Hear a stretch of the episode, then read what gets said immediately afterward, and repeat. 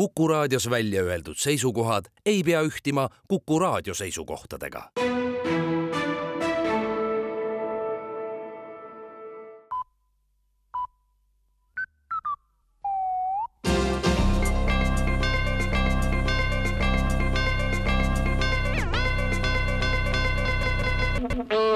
tere uudistestuudiost mikrofoni juures Rohke Debelak ringhäälingute Liit annab teada, et Riigikogu istungite ülekandmine, samuti kõik muud Riigikogu tegevust puudutavad raadio- ja telesaated ja muud meediaplatvormid lõpetavad Riigikogus toimuva kajastamise.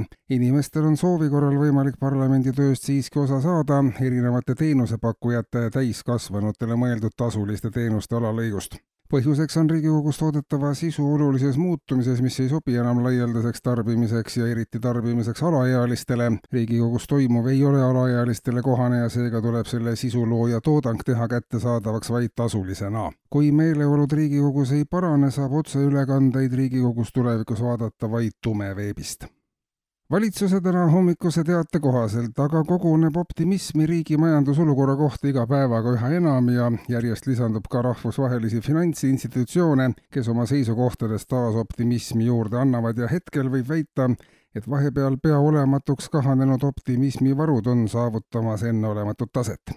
Valitsuse tänase nõupidamise üheks päevakorrapunktiks ongi nüüd luua töörühm, kes hakkab otsima lahendusi, kuidas üha kasvav optimism riigi elanikkonnale võiks käegakatsutavaks muutuda. katseliselt testitakse juba paari nädala pärast võimalust, et optimismi saaks ammutada sularahaautomaadist. kui inimesel arvel enam raha ei ole, avab riik talle optimismiarve ja kannab sinna nii palju optimismi, et ka kõige halvemad ajad oleks võimalik üle elada. kas see ka tehniliselt võimalikuks osutub, pole seni teada, kuid valitsus on projekti õnnestumise suhtumises optimistlikult meelestatud. Ja veel ressurssidest. sotsiaalministeeriumi värske uuring lükkab ümber varasemad uuringud, mis väitsid, et suurem osa inimesi elab palgapäevast palgapäevani. Nüüd on tehtud kindlaks, et elatakse ainult kuus kuni seitse esimest päeva pärast palgapäeva, edaspidi tuleb periood, mida võib nimetada lühidalt, mis elu seega on perioodiks täiel rinnal saab elada kaks esimest päeva pärast palgapäeva.